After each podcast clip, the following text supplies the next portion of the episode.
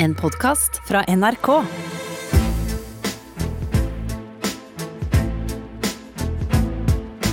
Trump mot verden med Gjermund Eriksen og Sean Henrik Matheson. I dag, I dag skal vi starte med en meksikansk gitarkasse. Ja. Ordet desperadio kan jo beskrive Donald Trump sånn som han har oppført seg de siste to ukene, eller de siste fire årene. Men det er også en film der Antonio Banderas går inn i en bar med en gitarkasse. Guitar case full of guns. Si, si. Is there something to drink? Is there something in the guitar case? Yeah. What? My guitar. Hey, we just want to see what's in the case. It's like you say it is, all you want. But I told you already. I'm a musician, and this is my guitar. Åh, men Gjermund, hvorfor meksikansk åpning?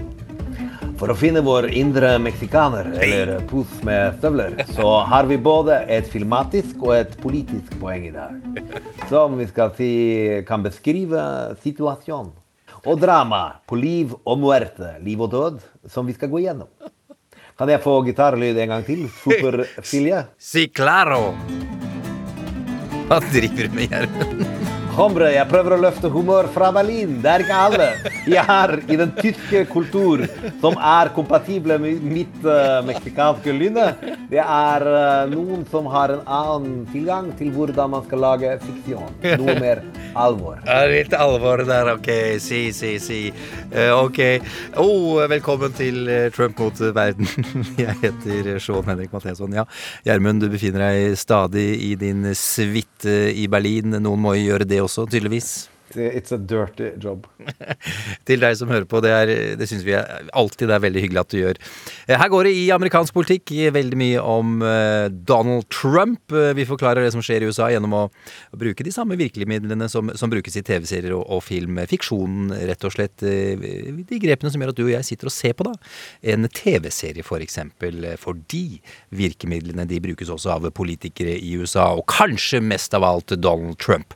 Det er fredag formiddag, det er den 20. november, det er 60 dager til Trump går av som president. Eventuelt blir kasta, pælma ut av Det hvite hus. Gjermund, Mexico! Ja, det er noen grunner til det. Altså fordi Noen ganger så snakker vi om dramaturgi som eh, strategi. Det vil si at strateger, politikere eller media faktisk bruker retoriske og dramaturgiske grep eh, som ligner på det vi gjør i filmer og serier for å oppnå sine mål. Altså evige prinsipper for fortellinger. F.eks. hvordan vi utvikler karakterer, skaper innlevelse og identifikasjon. Altså at man ønsker at man skal føle for en politiker. Men i dag skal vi snakke om en trope fra action og thriller. Som en god metafor på det dramaet vi nå er vitne til i USA. Hva betyr trope? Trope er eh, en situasjon eller et grep som kan brukes på mange ulike måter, men som da har en type struktur som er lik fra gang til gang. F.eks. politiker løfter et barn for å få det fine bildet som gjør at folk skal like han. Eller veldig vanlige filmer og serier, dessverre, at helten klapper en hund. For da skal vi like helten bedre. Det er to gjengangertroper. Ja, jeg, tror, jeg tror på det med en gang, jeg. Ja, Men i dag eh, så skal det altså handle om Mexican standoff. Oho, nice! Ja, og det er nettopp det som skjer i fortellinger, og gjerne hvor det er eh, trusler om liv og død. Eh, når to eller tre eller flere personer havner i en situasjon der alle har en pistol og peker på hverandre.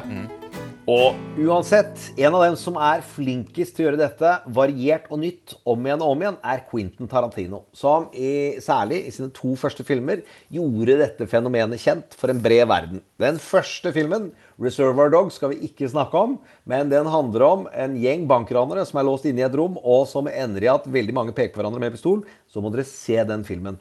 Nå forutsetter jeg egentlig at alle har sett Pulp Fiction film nummer to, som gjorde han til en global og evig hit. Der vi i slutten av filmen kommer inn i en situasjon der Samuel L. Jackson spiller en gangster som faktisk er en bad motherfucker. Og det vet vi, for det står på lommeboka hans, og han har gjort drøye ting. Og så har filmen egentlig begynt med to amatørranere, hvor den ene dama har hoppa opp et bord og sier eh, If any one of your bitches moves, I'll execute any motherfucking one of you.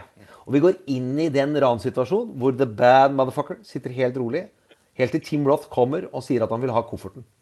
Og Samuel L. Jackson har gjort mye for å beholde den kofferten, og vi vet at den er full av noe som Tim Roth ser på. Eh, og Tim Roth har en pistol, og hun dama på bordet har en pistol. Og nå skal vi høre hvordan Samuel L. Jackson tar pistolen fra Tim Roth, og vi havner inn i starten på en mexican standoff. Hør her. Tell that bitch to be cool. I'm gonna kill you! Say, bitch, be cool. Be cool, honey. Say, bitch, Be be cool. cool. Tell that fucking bitch to chill. Be cool, honey. Chill that fucking bitch out. Chill out, honey Let bunny. go! Chill. Just chill out, honey bunny. All right, now tell her it's gonna be all right. It's gonna be all right. Promise her. I promise. Tell her to chill. Just chill out, honey bunny. All right, now tell me your name. Yolanda. All right, now Yolanda. We're not gonna do anything stupid, are we? Don't you hurt him. Nobody's gonna hurt anybody.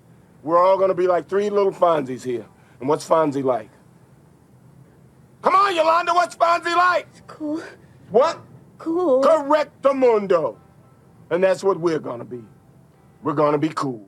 Og det vi hører her, er hvordan trykket går fra 0 til 100 på veldig kort tid. Og poenget med det dramatiske i en Mexican standoff er jo at alle kan dø, alle kan vinne, alle er redde på en gang. Og så kan vi bare ta inn lyden fra litt senere i situasjonen, hvor Travolta, som har et tilbakevendende problem med at han går på do hele tiden, kommer fra toalettet med pistolen og oppdager at Samuel L. Jackson har tenkt å gi alle pengene sine til Tim Roth for å få vekk volden i livet sitt. Jules, you give that fucking Nimrod $1,500 and I'll shoot him on general principle. No, Yolanda, Yolanda, he ain't gonna do a goddamn motherfucking thing. Vince, shut the fuck up! ja, det, nydelig, det der. Ja, og det er egentlig moralen i Pulp Fiction er eh, Samuel L. Jacksons reise mot ikke-vold. Han vil gå verden jorda rundt og oppgi karrieren som en kriminell, mens eh, Travolta dette husker vi, håper jeg, folkens. Blir skutt på et toalett av Bruce Willis. Du sa det, ja. Han gjør jo det. Det er grusomt. Men eh, det var, da ble jeg deppa. Men eh, det er en annen historie. Uansett. Ja. Ja, det er blir vi. Men uansett, Tarantino han bruker det i Reservoir Dogs, i True Romance, i Pulp Fiction, i Kill Bill 1 og 2, i Inglorious Bastards og i Hateful Eight. Og Django Unchained. Og det er de eh, fritt fra hukommelsen, så jeg er ikke helt sikker på om han bruker det de tre siste. Uansett, USA står nå i en enorm Mexican standoff. Hvor det handler om to senatsplasser i Georgia, i potten, som vil enten gi Biden alt det han vil ha, eller ikke. Og Mitch McConnell har en pistol mot Donald Trump. Donald Trump har en pistol mot Mitch McConnell. Og Mitch McConnell har en pistol mot Biden. Og Trump har en pistol mot Biden. Og Biden har en pistol i begge retninger. Men prøver å late som han ikke er en del av denne maktkampen. Og hovedvåpenet til Mitch McConnell, som er lederen i Senatet, det er at han ikke skal gjøre noe som helst overfor Biden. Altså blokkere alt hva han kommer til å foreslå i fire år. Og hovedvåpenet Donald Trump har mot Mitch McConnell, er at han ikke skal hjelpe Mitch McConnell å vinne valget i Georgia. Og hovedvåpenet Donald Trump har mot Biden, er at han skal ødelegge så mye han kan før han slutter. Og fortsette den kampen i fire år, og til og med truer med å stille til valg igjen. Som jeg gud forby håper han ikke gjør. Og det ble, men uh, da blir det podkast, og det ser ut som det blir podkast. Så i det dramaet er vi nå fanget. Ok. Mexican standoff. Og husk, Trump er redd for Mitch også. For Mitch kan prøve alt han kan å gjøre Trump irrelevant etter valget ved å gi all makt og synlighet til de som har lyst til å stille som konkurrenter for Donald Trump i 2024. Så kan man huske på at hvis man ser på Mexican standoff som at tre parter står imot hverandre, så er det egentlig oppskriften på det amerikanske systemet når det er divided government. Checks and balances. At man til en viss grad skal holde den andre ansvarlig eller sette den andre under press. Men det presset vi ser mulighetene av nå, det er av det vi ofte kaller historiske proporsjoner. Ja da, Gjermund, det er riktig det. Dette skal vi jo selvfølgelig snakke om i dag. Senatet i en Mexican standup, en av våre punkter. Og så skal vi også til Trump trials. Vår pod blir jo også rettssalsdrama framover. Eh, Fredagsdigget, det ligger i skåla, og det syns jeg vi skal smake på allerede nå.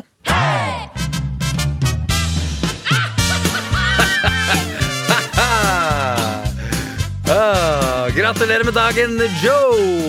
Joe Biden eh, fyller jo jaggu 78 år eh, i, dag. eh, Som vi jo vet, han blir jo tidenes eldste amerikanske president. Gjermund, jeg vet ikke om du hørte sikkert ikke på Nyhetsmorgen på NRK i dag, det gjorde jeg. Der satt en professor i geriatri.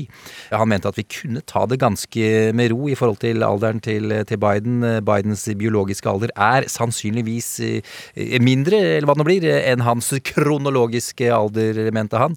Han sa også at han måtte passe på å trene, sove, ikke få i seg så mye alkohol, måtte trimme hjernen sin. Det gjør han vel stadig vekk, vil jeg si, vel og ved, gjennom å være president. Kolesterolet måtte han passe på, eh, og så må han ikke spise så mye iskrem. Det er visst han eh, veldig, veldig glad i. Og det vi vet at han har fått til bursdagen sin eh, i dag, er at eh, omtellingen i Georgia er ferdig.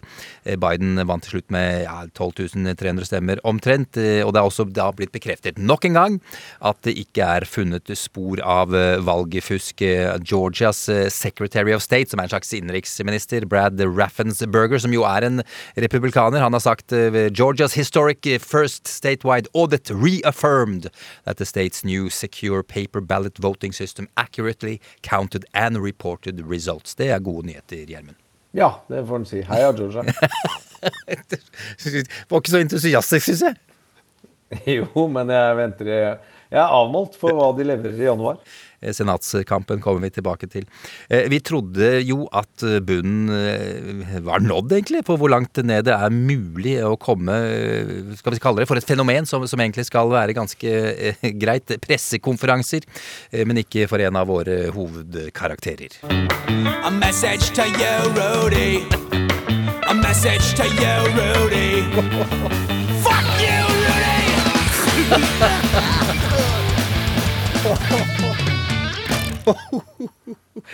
Ja, for vi synes jo at, at eh, denne pressekonferansen utenfor eh, The Four Seasons Total Landscaping forrige uke var, vel, var rimelig spesiell, men kanskje for det meste komisk. Rudy Giuliani holdt en ny pressekonferanse i, i går. Den var ikke bare spesiell, den var sinnssyk. Jeg sier det rett ut. Det var ubehagelig. Eh, Jeg må si det var ubehagelig å se på Gjermund. Når du er et hull, så skal du ikke fortsette å grave. Og vi trodde jo at han har møtt stein eller lava eller nærmer seg magma. Jeg kan ikke den delen av geografiundervisninga. Men det her var fullstendig krise. Eh, og så får alle skjønne hva vi snakker om. Han har av en eller annen grunn spraya de få håra han har rundt skallen sin, med svart lakk. Som renner mens han snakker. Ja, Det var grusomt. Han begynte å svette som en gris, og da rant det svarte striper, mørke striper nedover eh, ansiktet hans. Det er jo helt eh, krise. Men du, Gjermund, finnes det et galere menneske enn Rudy Giuliani? This is stunning, heartbreaking, infuriating, and the most unpatriotic acts I can even imagine for people in this country to have participated in in any way, shape, or form. Wow. Dette her er advokat eh, Sydney Powell, ny på laget til Trump. Hun var med på pressekonferansen i går. eh, Og det var jo ikke Rudy hun eh, snakka om, og republikanerne. Det var demokratene, og at de da er, mener at dette valget er helt ok. Eh, åh, hva skal vi si om dette her, Gjermund? Det er noe av det verste eh, jeg har hørt fra noe menneske som har fått en mikrofon utdelt i nærheten av en president. Det kan ikke være mer galere enn dette. Det er gråtkvalt, og så er Og det du kan høre- bare ja. bullshit. Ja, det er helt Branes har funnet fram den delen hvor hun går nedover i mørket, og hvor det blir så mørkt som det bare kan få bli. Produsent Jon Branes, hør her. American patriots are fed up with the corruption from the local level to the highest level of our government, and we are going to take this country back. We are going to clean this mess up now. President Trump won by a landslide. We are going to prove it, and we are going to reclaim the United States of America for the people who vote for freedom. Og Det man kan vite om henne, det er at dette er den gale kvinnen som tok over Flynns nasjonale sikkerhetsrådgiveren til Donald Trump, som løy til FBI og gjorde en del andre rare ting. Som tok over henne her som advokat og kjørte den rettssaken ganske greit i veggen. Nå er hun den eneste som står ved Rudy sin side, fordi alle andre advokatfirmaer bare har trukket seg. Ja, det er ingen som orker å representere Trump eh, og det opplegget han eh, holder på med. Og vi kan fleipe, ja. Ja, og vi kan fleipe med det her, men det her er mørkt. altså. Det Ja, kommer vi hvert øyeblikk tilbake til. Men vi må løfte humøret litt. grann. Vi har fått en lytter sendte oss hvordan i hule kan det være at Rudy har så mye agg mot Biden? Altså At han er, risikerer alt dette. Og her er et lite klipp fra tidligere valgkamp der Biden eh, tapte, som han sang, før han ble visepresident. Biden i 2008, tror jeg. Eh, om Rudy Giuliani. And the irony is, Rudy, Rudy Giuliani, probably the most underqualified man since George Bush to seek the presidency, is here talking about any of the people here. Rudy Giuliani. I mean, think about it. Rudy Giuliani, there's, th- there's only three things he mentioned in a sentence a noun and a verb and 9 11. I mean, there's nothing else. There's nothing else. Ikke rart han er litt krenka, kanskje. Det er komisk timing. Ja, det er veldig, veldig bra. Skal vi ta en litt julestemning? Bare en kort, eh, litt varme.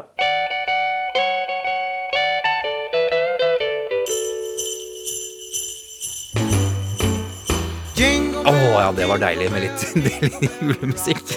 Uh, litt lys, eh, Gjermund. Det er deilig, helt enig. Vi må få inn litt lys eh, i det mørke her.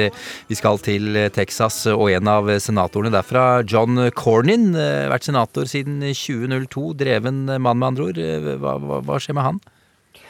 Der er det et litt eh, ålreit utspill som er litt merkelig, men som broderen sendte til meg, faktisk. Og det er at en Texas-republikansk senator som har vært imot at offentlige skal bruke penger i nær sagt noen retninger, klager over at 12 millioner amerikanere ikke får arbeidsledighetstrygd fra første juledag. Det er veldig fint. Det er ille at 12 millioner ikke har penger på første juledag og framover. Eh, og så tror jeg dette kanskje kan tyde på at fornuften siger inn i Texas, noe vi har snakka om i tidligere podkaster. At denne mannen vant valget nå. Det er seks år til han er på gjenvalg. Og hvis republikanerne ikke skal miste Texas fullstendig, så må de bevege seg mot et fornuftig sentrum. Det sier mye av teorien. Så et lite tegn på at en fyr går i riktig retning, det syns jeg vi må ta med oss når det nærmer seg jul. You take a look at that call, it was perfect. Uh, very, very innocent, very nice call. It was just a perfect conversation. Det har blitt tatt et par telefoner. Vi er nødt til å snakke om Lindsey Graham. Eh, republikaner. Ikke bare er han leder av justiskomiteen i Senatet, ikke bare er han eh, Donalds beste venn, han går også for å være USAs mest patetiske mann. Han representerer South Carolina i Senatet, beholdt plassen sin med relativt eh, god margin under valget nå, men det var eh, Georgia han ringte til, eh, Gjermund, og igjen til eh, Secretary of State Brad Raffensperger, som vi snakka om eh, i sted, innenriksminister i Georgia. Og eh, hva- så hadde ansvaret da for gjennomføringen av eh, valget. Eh, det var bare de snakka om, eh, Gjermund. Nei, Det var jo at han ville bare uh, ha underkjent nok stemmer så Donald Trump vinner. Og han bryter da tydeligvis, dette er jeg ikke ekspert på, for å si det forsiktig, flere uh, regler her i verden. Eh, senator og leder av justiskomiteen skal ikke ringe og prøve å blande seg inn i et delstatsvalg i et annet delstat. Eh, Men det er ikke den eneste telefonen som er tatt denne uka. Trump, eh, Donald, han har slått på tråden, han også, til Michigan. Eh, En stat eh, Joe Biden vant med ja, rett i underkant av 150 000 stemmer. Eh, Donald ringte og inviterte altså, republikanske representanter i Michigans egen kongress. Han eh, inviterte dem til Det hvite hus. Grunnen er at han tror jeg skal prøve å overbevise disse representantene at eh, de til på en eller annen måte altså skal slette valgresultatet i staten Michigan, for så å sende en egen delegasjon til valgmannskollegiet den 14. desember, når den endelige opptellingen av valgmenn starter, som da vil gi sine 16 stemmer til Trump, og ikke til Biden. Dette er jo bare nok et eh, forsøk på et kupp, Gjermund.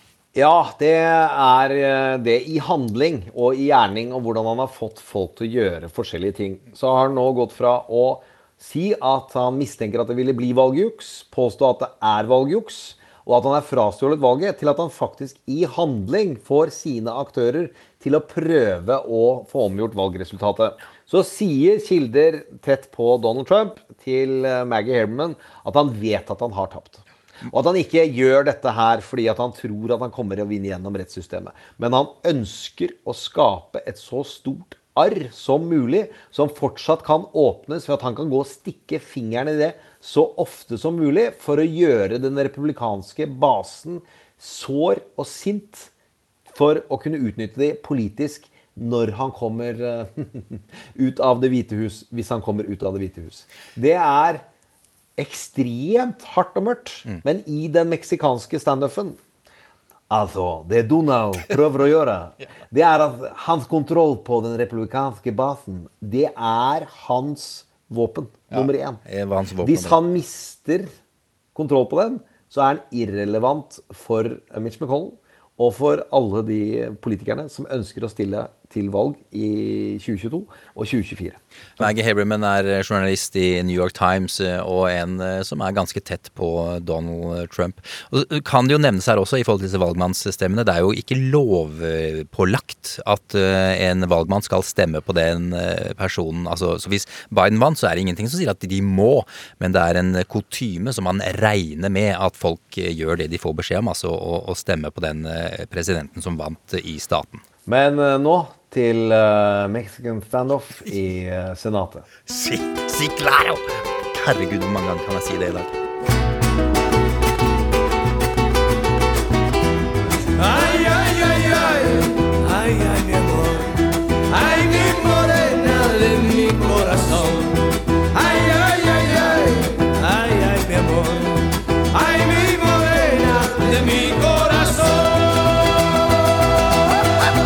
Trump mot verden. Maktkampen i Senatet. Én ting er at demokratene med, med Biden og Harris vant Det hvite hus. Det er i boks. En annen ting er om de vinner Senatet. Hvis Biden skal ha noe håp om å få gjort de endringene han ønsker, så trenger han rett og slett flertall i Senatet. Det er det kameraet som til slutt banker gjennom, eventuelt stopper politikken demokratene vil føre. Og om demokratene vinner Senatet, det er det velgerne i staten Georgia som bestemmer. Det var to plasser på valg den 3. november, men ingen av kandidatene fikk nok stemmer i den runden. Du må ha 50% av stemmene. Derfor, i januar vil det bli en såkalt runoff election i, i, i staten, altså. Og vinner demokratene begge plassene i Senatet, eh, vil det også være i boks, selvfølgelig. Da får de flertall. Og det er jo da ikke så rart at Mitch McConnell er opptatt av dette valget. Gjermund, eh, hva vet vi om det han tenker om Georgia? At han står i et veikryss og har et svært valg å gjøre. Om han skal gå den ene veien og satse på mer republikansk base og stå sammen med Donald Trump for å få han til å mobilisere alle de hvite uten collegeutdanna en gang til. Men gjør han det, så har vi jo sett i Georgia at han skremmer vekk de hvite med collegeutdannelse i storbyene. Og så har du denne mobiliseringsmaskinen Stacey Abrams. Eh, Stacey Abrams eh, var jo eh, tidlig snakk om at hun skulle bli visepresidentkandidat. Hun var da stått til valg som guvernør i, i Georgia i 2018. Eh, Var nesten så hun vant. Men det er et hyggelig å ønske deg velkommen. Sofie Høgestøl, førsteamanuensis. Velkommen tilbake. Hallo. Alltid hyggelig å ha deg på plass. Hva tenker du om, om Georgia, Sofie? Altså Først og fremst er jeg litt bitter, for jeg hadde laget en hel sånn oversikt over senatsvalgene for dette valget her, for valgkvelden. Ja. Og så snakket vi aldri om Senatet, for vi kom aldri så langt. Jeg vet det. Men det viste jo seg at det eneste jeg føler at jeg fikk virkelig rett i notatene mine fra valgkvelden, det var at jeg hadde liksom hvilken stat var viktig. Og den første staten jeg skrev, var Georgia, og så skrev jeg bare Georgia, Georgia, Georgia. Ah, bra. Jeg tenner et lite lys, jeg, for folket i Georgia. Så nå må gå og stemme igjen. Altså, valget er gøy, men ikke når man gjør det annenhver måned, Nei, kanskje, ikke det blir, kanskje ikke det er så gøy, da. Kan det ha noe å si for valgdeltagelsen, det du sier nå? Man må jo pine folk som egentlig man pinet ut av sofaen for to måneder siden, at det blir jo januar, til å, å gå og stemme igjen. Og det blir jo, jeg tror at det kommer til å bli Det kan, det tror vi alle kan spåne, og det kommer til å bli kjempedyrt. Eh, Bare litt tilbake til Stacey Abrams igjen. Eh, Hun eh, mobiliserte jo voldsomt under presidentvalget, og du var litt inne på det, Gjermund. Tror du hun evner å gjøre det, den samme helt fantastiske jobben en gang til? Eh, Det er Der ligger spenningen. Og det er tydeligvis en glimrende organisator. Og nå kommer det til å renne inn så mye demokratiske penger inn for å få mobilisert folk. Og det vil få det South Carolina-racet hvor Lindsey Graham ble utfordra til å ligne en liten eh, andedam, tror jeg det vil komme veldig mye penger i spill. Jeg tenker sånn, Det å vinne begge setene for Demokratene, det hadde vært så stort, det hadde vært så storslem, det hadde, det, det hadde vært et så brakvalg at jeg har vanskelig for å se at det skal skje. Ja, ja. For jeg tror at Selvfølgelig vil Demokratene ha litt blod på tannen og si at vi kan vinne denne staten her, vi gjorde det nettopp. Nå vet vi hvordan vi skal mobilisere. Men Republikanerne har jo hatt denne staten så lenge. Ja, ja, ja. De kan jo også mobilisere. Så Det kommer til å være massiv mobilisering på begge sider og mye penger i spill. Og så tror jeg at det kanskje blir én til hver. da, Kanskje best case scenario for Demokratene. Og da blir det jo likt i Senatet. Da er det vel visepresidenten som blir s- president i Senatet, er ikke det Sofie? Og hun har vel da en, en dobbeltstemme, har jeg skjønt. Slik at eh, da blir det likt, så er det vel også mye lettere, en lettere vei for demokratene å gå for å, for å få gjennomført eh, politikken sin.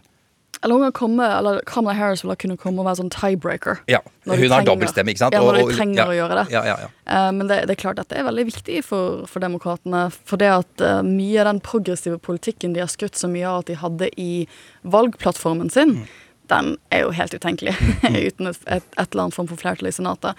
De har jo moderate i Det demokratiske partiet i Senatet også. Mm. Eh, og det er jo det problemet som republikanerne har hatt med et knapt flertall, er at du må holde alle samlet Mm. hele tiden. Mm. På alt. ikke sant? Og det, det var det de ikke greide å gjøre i helsereformen. De ville jo gjerne egentlig få opp Obamacare, ikke sant? men det fikk de ikke til, for de greide ikke å holde på alle. Nettopp. Og John McCain, da veldig kjent, gikk ut og liksom stemte nei med tommelen ned. Og dette handler jo om neste senatskamp, altså drama i 2022. Georgia, Arizona, Pennsylvania, Florida, Iowa, North Carolina og Wisconsin. Altså, det er vippestatene som skal konkurrere om de neste senatssetene.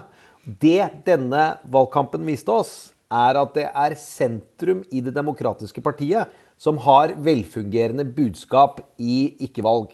Og det tror jeg gjør at handlingsrommet til eh, både Mitch McConnell og Biden blir mindre. Biden kan ikke gå så langt til venstre, og egentlig burde Mitch McConnell bevege seg noe mot sentrum, for ellers så risikerer han alt i 2022 igjen. Ja, men Vil eh, Mitch McConnell være villig og interessert i å, å, å samarbeide med Biden, tror du, når, når det kommer så langt?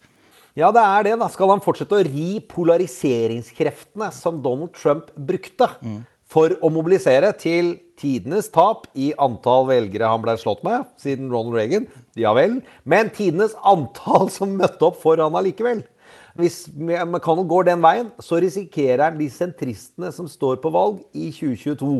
Og der røyk to klokkereint i denne runden, selv om Susan Collins, senatoren, overlevde mot alle målinger. Så er da det, dette utrolig viktige spørsmålet Hvor er Donald om ett og et halvt år? Er han bundet fast? Er han en fri mann? Eller går vi over i den nye sjangeren som vår Trump mot verden-podkast dessverre, vil noen si, men med stor glede vil andre, gå inn i rettssalsdrama? Vil han være en fri mann? Hva har vi funnet ut om Donald som vi ikke visste nå? Det tror ikke jeg nødvendigvis er rent lite. Ok, men hør på det her, da.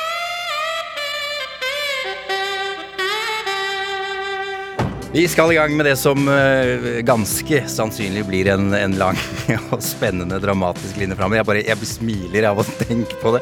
Hvilke rettslige utfordringer og trusler eh, Donald vil eh, måtte møte etter eh, 20. januar. Delt opp i to bunker her. Greit å ha det så ryddig som mulig. Rettslige utfordringer utenfor presidentskapet. Rettslige utfordringer under presidentskapet. Eh, Aller først, eh, Sofie, det er jo ikke bare på det personlige plan eh, Donald er på defensiven sånn rent rettssaksmessig. Han og hans støttespillere har jo anlagt en haug av saker rundt omkring i USA for å forsøke å vinne valget, altså. Eller stjele valget, kall det hva du vil. Gjennomføre kuppet sitt, kan man også si. Hva, hva er ståa her, Sofie? Ståa er at uh, de har snakket om disse søksmålene som om de er en sånn stor skrekkfilm, et monster i en stor skrekkfilm, men så viser det seg at det er en, en liten maur, da. Ja. det litt, ja, det, altså Når du leser selve, selve rettsdokumentene, så er det liksom ikke så mye futt i de. Nei. Men det morsomste som har skjedd i kanskje mitt liv, da egentlig, eller, Oh, i oi. denne, Wow! I alle fall denne okay, uken. I alle fall denne uken Det var å følge en rettsreporter som live-tweetet Rudy Giuliani sin første Første Jeg vet ikke om jeg orker å høre om det tur engang. tilbake i en federal domstol siden 90-tallet. Og det var som å se en student stryke på hjemmeeksamen. Altså, jeg, jeg, hadde, jeg fikk så vondt av det. Ja, ja, ja, ja. Jeg fikk så vondt av det. Ja, Men jeg, jeg, måtte også le veldig mye. Ja. Eh, og liksom, han har jo allerede blitt en sånn legendarisk, bare på to dager, juss-meme. For han fikk en del spørsmål av dommeren, da, for amerikanske dommere er ganske aktive i, i utspørringen sin. Hvor han liksom, Det var bare klart at han kan ikke en del grunnleggende juridiske konsepter i en sånn type sak. Mm. Han vet ikke hva han driver med. Han vet ikke hva han driver med. Nei, Det, det, det, det, er så grunnleggende. Ja, ja, ja, Det er så utrolig grunnleggende. Og, men det beste var kanskje når dommeren var litt sånn OK, disse to karene som er en del av søksmålet, da, som dere sier ikke fikk lov til å stemme for det, eller ikke fikk muligheten til å, å rette stemmen sin. Mm. Liksom, du vil da egentlig at jeg skal gå med på fordi at de to tingene kanskje ble litt feil, så gå med på å liksom ugyldiggjøre 6,8 millioner stemmer. Hva tenker du om det? Mm. Mm. Så jeg, jeg, jeg ble våken en time tidlig og bare for å lese de live-tweetene fra, fra den saken. Gjermund, er det nå Donald kan, så er det jo rettssaker. Han har vært involvert i over 4000 saker opp gjennom åra. Hvorfor er dette dramaet mer spennende nå, vil du si? Jo, det er jo fordi nå ligger det mye mer i potten. Eh, tidligere så har han vært en ganske sjaber playboy med, med vag eh, og ubestemmelig forretningsforståelse. Ja, nå er han en sittende president som har fornærma New York og hva de står for, på det groveste. Det finnes store politiske oppsider eh, for folk å ta dem. Eh, og så er det jo det at han har erfaringer i sin nære familie. Jared Kushner, sin pappa, har sittet i fengsel. Han vet hva det vil si eh, at barna må komme og besøke pappa, som Jared gjorde. Det skal han ha. Ja, han gjorde Kjørte det. Hver fredag visst. opp og besøkte pappaen sin, eh, og kjører hjem. Eh, du, Når vi først er over i New York, som du, som du nevnte, la oss eh, titte litt i denne bunken vår, eh, og, og starte da med skattesaken. Eh, og Statsadvokaten i New York har jo bedt om å få disse eh, skattemeldingene. Høyesterett har sagt eh, ja, eh, likevel blir de holdt igjen. Eh, hva, hva, hva, står der nå for tida? Ok, Jeg trodde jo litt at, eh, altså at eh, når man tapte i Høyesterett, så har man tapt, liksom. Ja. Men det Han har jo veldig gode advokater. Så, Innenfor dette området. innenfor dette området. eh, ikke, andre, ikke på disse valgtingene, men her har han veldig Ikke god- Rudy, altså? Ikke Rudy. Nei, okay. Det, har vært sånn, det søksmålet i Høyesterett handlet om at han skulle få spesialimmunitet som president. Men det de sier nå, at ok, så har han ikke det. Men han har vanlige immuniteter som du og jeg, eller han har vanlige rettigheter i en straffesak som du og jeg har. Så vi skal bare prøve alle de. Eh, Så de går jo egentlig en helt ny runde med saken. Det er det som har skjedd. De går en på det private, Ja, de, de nærmest. sier, ja, ok, så Han er ikke immun fra å måtte utlevere selvangivelsen sin fordi han er president, men han er jo likevel men han Ja. har menneskerettigheter og sånne ting i en straffesak, så han kan ikke Så den- denne straffesaken Så vi må prøve alle de rettighetene først også. La oss gå til sak nummer to. Det er brudd på, på valgkamplovene. Campaign Finance Laws. Og der er det jo to morsomme karakterer som er involvert. Pornostjernen Stormy Daniels, og ikke minst The Fixer. Michael Cohen. Stormy fikk jo 130 000 dollar for å holde kjeft om et forhold hun og Donald skal ha hatt i 2006, tror jeg. Eh, Og et av spørsmålene er jo om disse pengene da ble tatt fra valgkampkassa, da, for å si det veldig enkelt Ja, her. om det var et ulovlig valgkampbidrag. Ja, det er riktig. Sofie. Hva, og hva er ståa her? Står der er at Michael Cohen er i fengsel ja. etter at Husarrest. han erkjente straffskyld. Og sa for åpen rett, for at når du erkjenner straffskyld, så må du gå foran en dommer. Og dommeren sier sånn OK, forklar i egne ord hva som har skjedd her. For det, det er sånn for å passe på at du ikke blir skviset av påtalemyndigheten til å innrømme noe du ikke har gjort. Så du skal forklare i egne ord. Og da forklarte han at han hadde gitt disse pengene til Stormy Daniels on the instructions of individual one. Dun, dun, dun! Ja, stemmer det. Ja. Hvem er individual one? Det er da Donald Trump. Ja. Han sa at jeg ga disse pengene videre på instruks fra presidenten. Og da har jo That's what we sometimes in law call a conspiracy. Sant? Da har man jo medvirket, kanskje, da, hvis man, hvis man tror på det Michael Cohen sier. Og han sa jo det under ed. Og det har også statsadvokatene skrevet i noen av rettsdokumentene sine. Uh, så det er kanskje den straffsaken jeg er mest interessert i. Du liker den aller mest. Jeg liker Individual One aller mest. Jeg ønsker at det kommer en serie som heter Individual One. Den vil jeg også se. og følger dette sakskomplekset. eh, Og dette er den som flest av de kommentatorene jeg følger, eh, sier at har mest fart i seg, og man kan komme raskest i gang med. Det som skjedde, hvis vi kaster hodene våre tilbake til 2018, Ja. hvor det føles jo som veldig lenge siden, sånn før koronaen vi klemte hverandre og Ja, ja, ja, ja. Det var jo at um, en dommer i New York gikk, gikk med på å egentlig uh, oppheve taushetsplikt mellom advokat og klient. Og gå, sånn at politiet skulle få tilgang til alle dokumentene til Michael Cohen, og også tapes, for Michael Cohen har jo taped Ærlig, ting. tapes. Så det er jo en tape her mellom han og Trump. Uh, som Trump visstnok er veldig veldig Det skjønner jeg også, det er ikke noe kult når advokaten taper det, og så blir det brukt mot det senere. Det er dårlig. Uh, det er dårlig stil. Men, men det at liksom I USA så er, så er taushetsplikten mellom advokat og klient ekstremt, ekstremt tight. Det er veldig vanskelig å bryte den. Det er bare én grunn til å bryte den, og det er kalt the crime fraud exception. Hvis du, du kan ikke bruke advokaten din til å gjøre noe straffbart eller begå liksom eh, økonomisk kriminalitet. da. Eh, og, du, og du vet at hvis du har fått med deg en, en, en dommer til å si at de er overbevist om at den terskelen er møtt, og de, de er vel vitende om at det er presidentens personlige advokat, så tenker du at da har de ganske mye for å få en dommer til å være med på at, at de skulle gå og ransake advokatkontor til Michael Cohen. Det, det er nesten uhørt. ok, jeg skjønner at du liker akkurat det punktet her. Og det er mafiafilmtriks. Ja. Det å ha med advokaten i samtalen, eh, sånn som det skal være taushetsbelagt, det som skjer, det er jo nettopp derfor den paragrafen kom. Og dette er fra tung mafiafilmtitting. Bra, bra, bra. Ok, La oss gå til, eh, til eh, neste sak her. Trump har blitt beskyldt for å hvitvaske penger. Er litt komplisert, syns jeg, men eh, noen hevder jo at Putin er involvert her. At det er Putin som reddet eh, kasinoet til Trump, eh, og at eh, og der, derfor vasket Trump masse penger for Putin, og at dette holdt på i årevis, 20-30 år. eh, Og at det da skal være en av grunnene til at Trump er i, i lomma på, på Russland. Eh, Og så er det jo golfbanen selvfølgelig i Skottland. Den, den granskes jo på bakgrunn av hvitvasking av penger osv. Hva, hva vet vi om dette her? Det vi vet på generelt grunnlag, det er jo at statsadvokatene i New York ønsker skattemeldingen hans. For en eller annen form for etterforskning som, som, som de har gitt uttrykk for å gå på nettopp forretningsvirksomheten hans. Så det vet vi at skjer, og det vet vi at de er så interessert i, at de har valgt å gå til Høyesterett og fortsatt holde på og vil ha det utlevert. Og vært ganske irritert i de siste rettsrundene, for de har vært litt sånn Nå trenerer Trump Mm. for at en del av fristene for foreldring skal gå ut. Mm. Sånn at de ikke kan ta tiltale. ikke sant? Mm. Og det har, de, liksom, det har de sagt ganske eksplisitt i retten. Igjen, Trump har en, en rett til uskyldspresumpsjon som du og jeg har. Mm. ikke sant? Vi vet ikke akkurat hva saken er. Vi må se anse han som uskyldig til motsatte er bevist.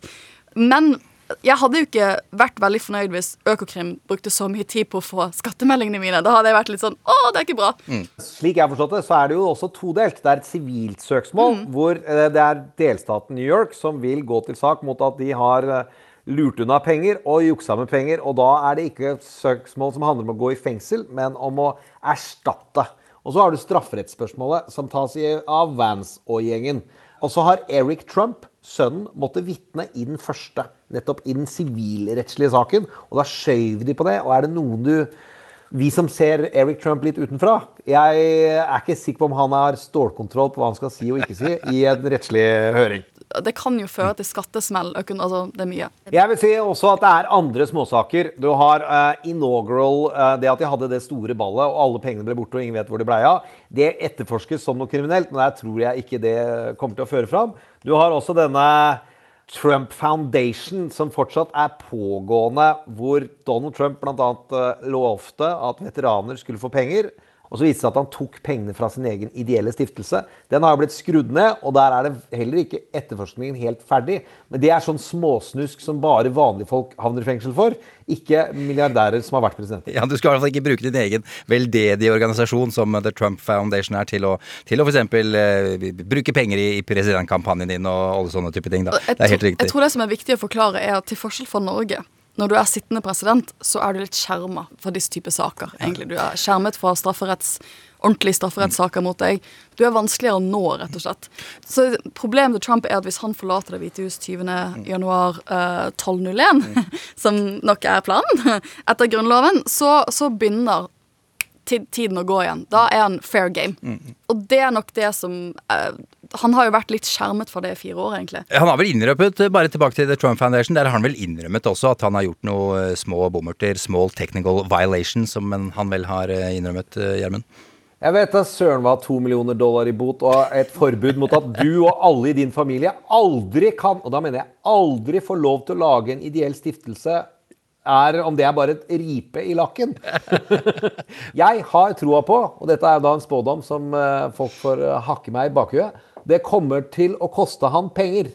Disse rettsgranskene kommer i hvert fall til å ende med at hans forretningsimperium får seg en skikkelig skrape i lakken. Kan ikke skjønne annet enn at det er begravd en del døde hester, hunder og andre lik. Og så får man spørre seg selv om han får for eh, ordentlige lovbrudd som gir straff i fengsel. Det er mer usikkert. Det er noe litt annet. og Det var en, det var en god lytter som, som tagget meg um, i, en, uh, i en post på Facebook uh, om en artikkel i New York Times som kom ut uh, denne uken, av Jonathan Mailer, som jeg syns var en veldig veldig god sånn dybdeartikkel om dette spørsmålet om, om straffesakene. da, som jeg, jeg syns er veldig flink til å belyse dilemmaet her. For dilemmaet er jo at det har jo vært kutyme at man ikke går etter politiske motstandere via jussen. F.eks. at Obama valgte å ikke etterforske Bush-administrasjonen for tortur. Ja. I Afghanistan. Og det er en krigsforbrytelse. Det Det er er, liksom, ja. Ja. det er en veldig alvorlig hendelse. Han Ja. valgte rett og slett for å beholde litt freden, og ikke nøste opp for mye i de Han, han fikk en sånn storslått rapport på flere tusen sider som dokumenterte at ja, ja, vi hadde et torturprogram. Han gikk ut og sa 'we tortured some folks'. Ja. Sant? Sånt skjer. Ja. Men jeg kommer ikke til å gå videre med etterforskninger om dette. her. okay, ja. Det var for tortur. Og det viser at det har vært en sånn kutyme for at man, man gjør ikke sånt. Og noe som demokratene har anklaget Trump for, det er nettopp det at han har hatt rally som har vært sånn lock her up og hatt lyst til at de skal etterforske Obama, Obama-administrasjonen for alle disse feilene og eh, han, eller straffbare handlingene han mener at de har gjort mot Trump. Og det er vei å gå ned. ikke sant? At du skal bruke straffevesenet mot politiske motstandere når de ikke sitter på makten. Da er det en veldig vanskelig balansegang tror jeg, for Biden å gå inn og, og, og, og skulle bli sett på å gjøre noe av det samme. da. Så jeg tror han vil ha press på seg for at han ikke skal blokkere straffesaker. Så vil han nok ha press på seg for at han ikke skal gjøre det. Mm. Så det er en ganske vanskelig eh, spagat å stå i. Ok. Da syns jeg vi skal eh, gå løs på bunke to på, på pulten vår. her.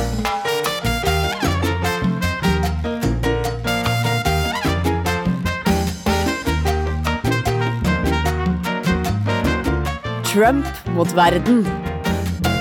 Ja, som sagt, bunken nummer to her på pulten vår, eh, det er ting han har foretatt seg mens han har sittet eh, som eh, president. Og vi snakker da selvfølgelig om rettslige utfordringer nå også. Vi skal begynne litt rolig om noe som heter The Hatch Act. Det er en lov som forbyr føderale ansatte fra å delta i politisk arbeid mens de er på jobb. Hvorfor er dette interessant, Gjermund? Fordi det er noen som tror at vi kan eh, stille uh, Trump til ansvar for alle brudd på ting som egentlig er mest normative. Og det er Hatchet mm. er det ingen som har blitt dømt for, hvis ikke, i hvert fall på svært lenge. Det kan kanskje Sofie si noe om. Det blir noe hyling om det, men det kommer ikke til å skje noe. Hva tror du, Sofie? Jeg tror heller ikke det. Og jeg tror ak det er liksom akkurat den spagaten vi snakket om, at um, hvis Biden-administrasjonen blir sett på som å gå etter enhver mulig ting, som han gjorde mens han var president, så blir det vanskelig også fordi at man har ikke en tradisjon for å, gjøre, for å gå etter presidenter for det de gjorde mens de var sittende presidenter.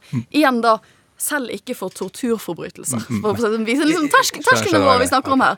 Og så reiser det jo også til mange spørsmål som jeg hadde syntes var ganske sexy. da. Mm. Men sånn, Hva er du immun for når du er president? Hva er du ikke immun for når du utøver embetet ditt? ikke sant? Hva er innafor, hva er utenfor? Hvordan gjør du noe straffbart? Hvordan gjør du ikke noe straffbart? I og med at det er ingen ekspresident som har blitt tatt i en straffsak, så er alle disse spørsmålene veldig åpne. Men da kommer jo vi til punkt nummer to.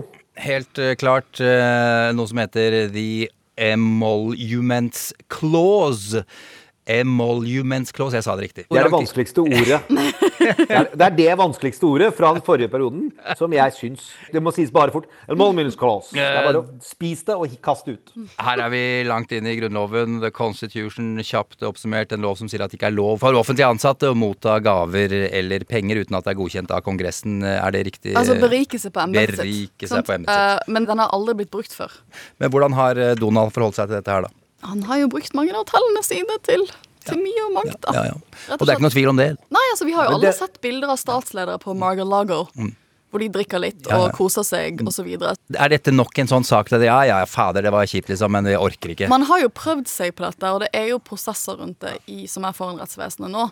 Men Mm. uh, igjen, jeg er sånn, som, hvis jeg har kjedelig juristhatten min på, så tenker jeg sånn Hvis noe aldri har skjedd før, Mm. så kommer det ikke til å skje nå. Ja, ok. Ja, der er jeg uh, litt Har litt mer trua på at det kan skje noe. For det er en del delstats... eh, attorney generals som er tjent med å holde liv i konflikten med Donald Trump. Så at de vil i hvert fall prøve alt de kan. Hvorfor er de det? Eh, jo, fordi at f.eks. i Washington DC så har det, er det helt vilt at han har sendt så mange folk til hotellet sitt. Eh, og i Virginia, som er eh, delstaten som omkranser eh, Washington, så er det også slik at du er på valg som attorney general. Eh, Og det å være i konflikt med Donald og synliggjøre at han har brutt Grunnloven, det er mobiliserende for deres lokale baser. Vi skal eh, skru det litt eh, til her. Samarbeidet Samarbeide med Russland. Og la oss være helt tydelige. Det er ikke noe hoax! Dette har skjedd. Det kommer tydelig fram i, i Mueller-rapporten. Hva tenker vi her, Sofie? Jeg tenker at det, det er litt død fisk etter at man ikke fikk gjort mer gjennom um, Mueller-etterforskningen. Men jeg tror mange demokrater håper at det Mueller egentlig som vinker til, er at enten riksrett, eller så må det skjes etter han har gått av som, som president. Altså ta tak i dette på nytt. Ja, men, uh, men det er jo å gjenåpne et, et kapittel som er blitt lukket, da. Ja, Går det an å gjøre? Går det an å åpne det og ta en ny runde på dette? Nei, Jeg tror Sofie har helt rett i at dette uh, De kommer ikke til å gå ned i Russland-sporet, eh, tror jeg. Fordi der uh, har man denne tusensidersrapporten fra Senatet også. Så det har mer enn nok uomtvistelige bevis på at det var samarbeid. De har bare ikke fått hekta det på Donald for det som skal være, kunne være strafferettslig jo si at- samarbeid. Du må jo si at han har gjort noe strafferettslig galt. Ja. Du må kunne peke på en straffelov og si at du brøt den ved å gjøre dette her. Og det syns jeg er litt vanskelig å Man kan oppføre seg veldig dårlig uten at det er straffbart. Ja, ok. Ja, bare Som er bra, bra for de aller fleste av oss. Det- da kommer vi, da kommer vi til sjølve grisen. Eh, Gjøkalven og andre dyremetaforer for ting vi kan spise til jul. Hva, Obstruction of justice, er det det du mener?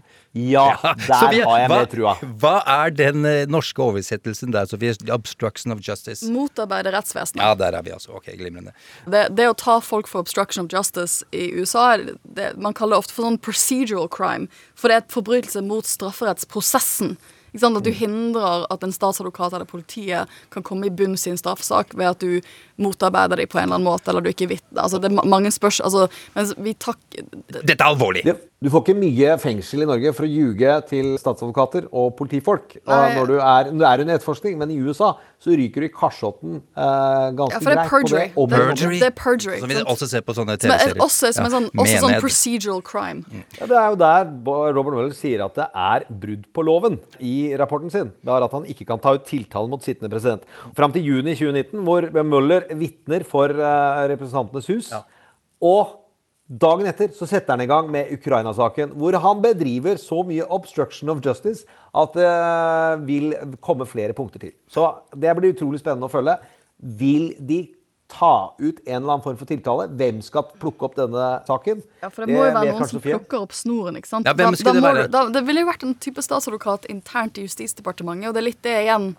Hva da? Altså, en, de, må, de må velge selv, Justisdepartementet? Det må være, ja, ja. det, det må være no, noen i det føderale nivået Ja, ja. Som, som velger å si at nå plukker vi opp den tråden. Det er vel ikke helt usannsynlig når, når Biden tar Jeg, over ikke, eh, jeg tror at her Det, det Mueller sier i rapporten sin, er at hvis, if we had confidence after a thorough investigation of the fact the president clearly did not commit obstruction of justice, we would so state. Mm. Så hvis etter denne etterforskningen vi var helt sikre på at han ikke obstructed justice eller motarbeidet rettsvesenet, så hadde vi sagt det. ja, Okay, Og det gjør vi ikke.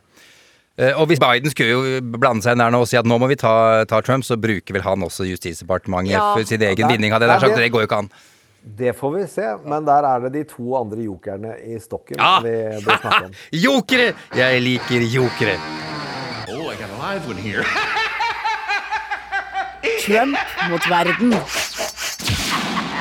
Ja, vi meldte jo inn eh, to jokere. Den ene benådning. Nettopp. eh, President i USA har jo lang tradisjon eh, for å benåde folk som har oppført seg mer eller mindre kjeltringaktig. Og en ting Trump har spekulert på selv, det er jo om han kan benåde seg selv. Er dette noe som går an å gjøre, Sofie? Det er jo ingen som har gjort det før. Nei. Nei. Det, og det litt morsomme for meg sånn intellektuelt er at hvis han skal benåde seg selv, så må han jo på en eller annen måte indikere hva han benåder seg selv for. Ja. Så da må du jo innrømme det, det du har gjort. da. Akkurat det er det. For det er, det er en veldig viktig del her. Altså, i det, de, alle som blir benådet av presidenten, idet de mottar og aksepterer benådningen, så innrømmer de også skyld. Du må i hvert fall spesifisere hva det er. For du kan ikke bare si 'jeg benåder meg selv på alt'. Nei, nei. Jeg bare benåder meg selv på generelt grunnlag. Mm. Det er jo ingen som har gjort dette før, men jeg, han må i alle fall være litt sånn spesifikk på hva mener han dette skal gjelde for. Og da er jo man fort inne i at man innrømmer at man har gjort straffbare ting, så jeg vet ikke, jeg. Og så har det jo blitt spekulert på om han kommer til å gå av en uke eller to før Biden blir innsatt som president. Eh, Visepresident Mike Pence overtar, slik at han kan benåde Donald eh, Gjermund. Hvor aktuelt er det scenarioet der?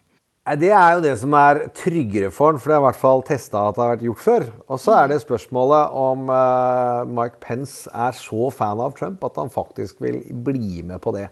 For da er han eh, ferdig i Det er han antakeligvis uansett, politisk. Men det er i hvert fall å skrive under sin egen dom i historien. For det sier seg sjøl at det er eh, juks og fanteri. Men det hadde vel ganske runde benådningsformuleringer når eh, Nixon ble benåda. Så var det for det som var kjent at han hadde gjort som sittende president, og det som til da var ukjent som sittende president. Så at man har testa den type get out of jail free card, det har man gjort før. Jeg tror at Donald i hvert fall maser på den godeste Pence på det området. Eh, Biden, hva så med da den nye president Joe Biden? Kan det være aktuelt at han benåder Donald Gjermund? Det er jo her jeg og Sofie kanskje er litt uenige. Jeg tror i hvert fall ikke Biden benåder Trump, fordi det testa man jo ved Nixon, og det har straffa det seg veldig. No one is above the law er en setning som både demokrater og republikaner holder høyt. Og den uavhengige sentrum i midten, dersom det blir avdekket og grunnleggende bevist ugjerninger fra Donald over tid, så kommer ikke Biden og Harris til å stå seg godt ved det. Og det går på Ja, vi har tradisjon at vi ikke etterforsker sittende president, men vi har da heller ikke hatt en så løgnaktig som har så vidt overlevd en impeachment-rettssak, eh, og som har brudd alle normer og verdier, og mobilisert det så mange demokrater, eller til å stemme demokratisk, tidligere. Jeg tror han må gjøre noe for å holde Trump ansvarlig. Den eneste personen han skal holde seg eh, på utrolig lang avstand til for å markere seg som tydelig forskjell fra Donald, det er sin sittende justisminister. Så den han utnevner, er den som på selvstendig grunnlag vil finne ut hva, hvordan han skal drifte Justisdepartementet i påtalespørsmål. For der skal presidenter holde seg unna. Så hvem Biden velger som justisminister, er svaret på om Donald Trump skal tas eller ikke. Dette her kommer til å bli et spørsmål under uh, justisministerens confirmation hearing i Senatet. For en justisminister må jo godkjennes av Senatet. Og jeg antar at republikanerne kommer til å være sånn Kommer du til å liksom være sånn ekkel person som bare etterforsker Ja. tidligere administrasjon, du er sånn Trump-hater? Mm. Her er det hvorfor det er viktig hvem som styrer Senatet.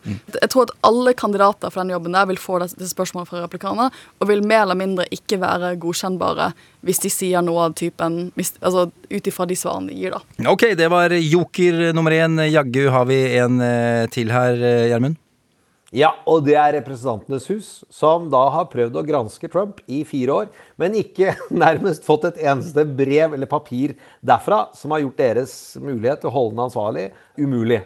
Nå kommer en Biden-administrasjon som eh, vil overlevere så mye informasjon som de bare tåler å overlevere til eh, Representantenes hus. Og ut av de granskningene så kan det dette ut lik vi ikke har tenkt på. Og så er det jækla viktig for demokratene at de stabler disse granskningene i riktig rekkefølge, sånn som man ikke opplever å få for mange useriøse granskninger som ligner litt på de hoax-beskyldningene som de har fått etter seg. You have to pick your battles. Yeah, pick your battles. Pick your battles, Ja. og bruk det i 2022. Poenget er at det skal ikke bare tas Trump. Du skal vise at de senatorene som sitter på valg i 2022, de har beskyttet Donald Trump, og de har latt denne mannen holde på. Det er jobben til Representantenes hus, er å svekke Mitch McConnell i 2022. Og ikke minst overleve sjøl også. Og så tror jeg vi ikke kan se bort ifra det at det at Trump fikk 73 millioner velgere, er kanskje en av de beste kortene han har mot disse etterforskningene og mot en del sånne prosesser. For det at han har jo vært gjennom riksrett, og det var fortsatt 73 millioner amerikanere som stemte på ham. jeg tror ganske mange demokrater føler at går vi ned en sånn type vei, så er ikke det bærekraftig. Velgerne liker det ikke. Ja, Så får vi se da eh, hvordan Donald reagerer når eh, rettssaker eventuelt setter i gang. Eh, Altså når dritten treffer vifta. Sofie, tusen takk skal du ha.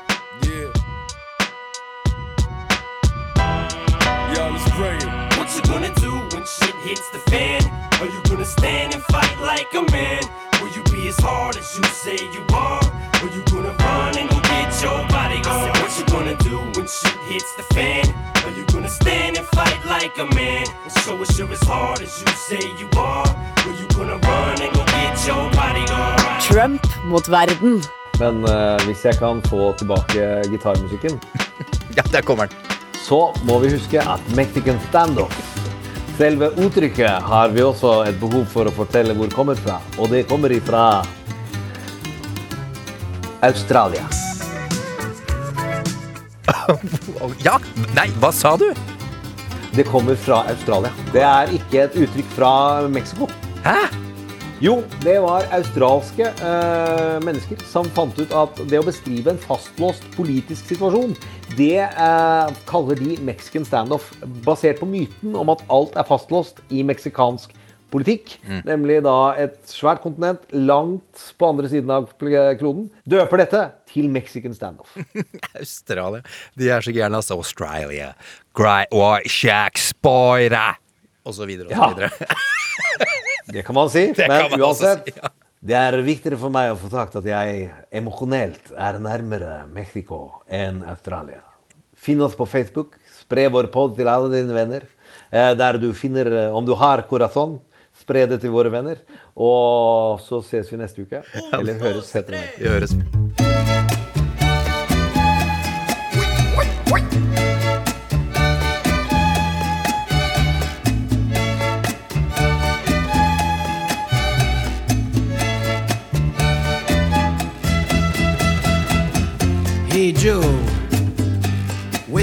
With that money in your hand? I say, hey Joe, where you going with that money in your hand? He said, I'm going downtown and I'm gonna get me a passport, see? Oh, see. Well, I'm going down south, way down Mexico way. All right.